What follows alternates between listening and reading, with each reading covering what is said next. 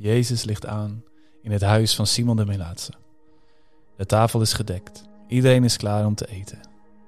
Opeens toont daar een vrouw binnen, breekt de fles en zalft Jezus met olie. Een diepe schrikachtige zucht gaat door de ruimte. Wat doet Maria nu?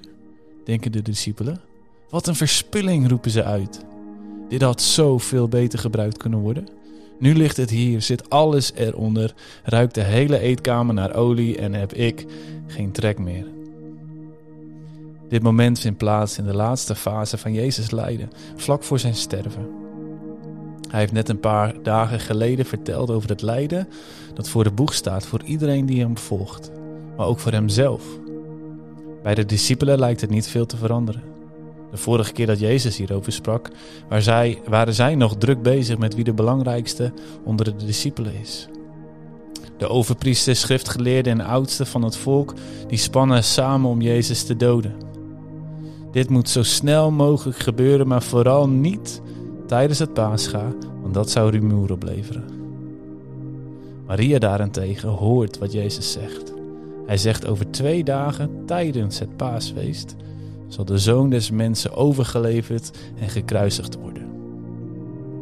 Ze hoort dat Jezus gaat lijden en ze verlangt ernaar haar liefde aan hem te laten zien. Ze kiest ervoor een flesje olie mee te nemen, hedendaags ter waarde van ongeveer 35.000 euro, een jaarloon. En dat giet ze over, over Jezus uit. Hij kon vervolgens niks anders meer met deze olie, of dit jaarloon. In mensen ogen is het verspild. Sterker nog, haar vrienden, de discipelen van Jezus, begrijpen er geen snars van. Ze zijn hevig verontwaardigd, boos, ziedend, zelfs gekwetst door deze verkwisting van Maria. Bij Judas loopt de woede zo hoog op dat hij direct naar de overpriesters gaat om een manier te vinden om Jezus te verraden. In een poging om iets van het jaarloon terug te krijgen, gaat hij akkoord met 30 zilverstukken, ongeveer een kwartaalloon. De vergoeding voor een gedode slaaf. Zou Maria het geweten hebben? De reactie van haar vrienden? Zou ze het geweten hebben? De reactie van Judas? Zou ze het geweten hebben? De reactie van Jezus? Haar misschien wel overdadig en ondoordachte actie ziet Jezus als een dusdanig belangrijke profetische handeling dat hij zijn volgelingen opdraagt Maria's vrouw overal te verkondigen. Ze zalft hem in dit moment niet vanwege zijn koningschap, ook al is hij koning. Niet vanwege zijn priesterschap, ook al is hij priester tot in eeuwigheid.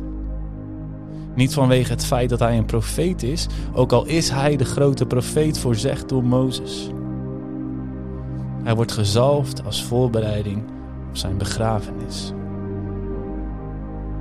Maria stond Jezus bij in het heetst van de strijd. Waar zijn discipelen te moe zijn om een uur met hem te waken, legt Maria de mening van anderen naast haar neer. Ze geeft hem het meest waardevolle wat ze heeft om Jezus haar liefde te laten zien. Olie.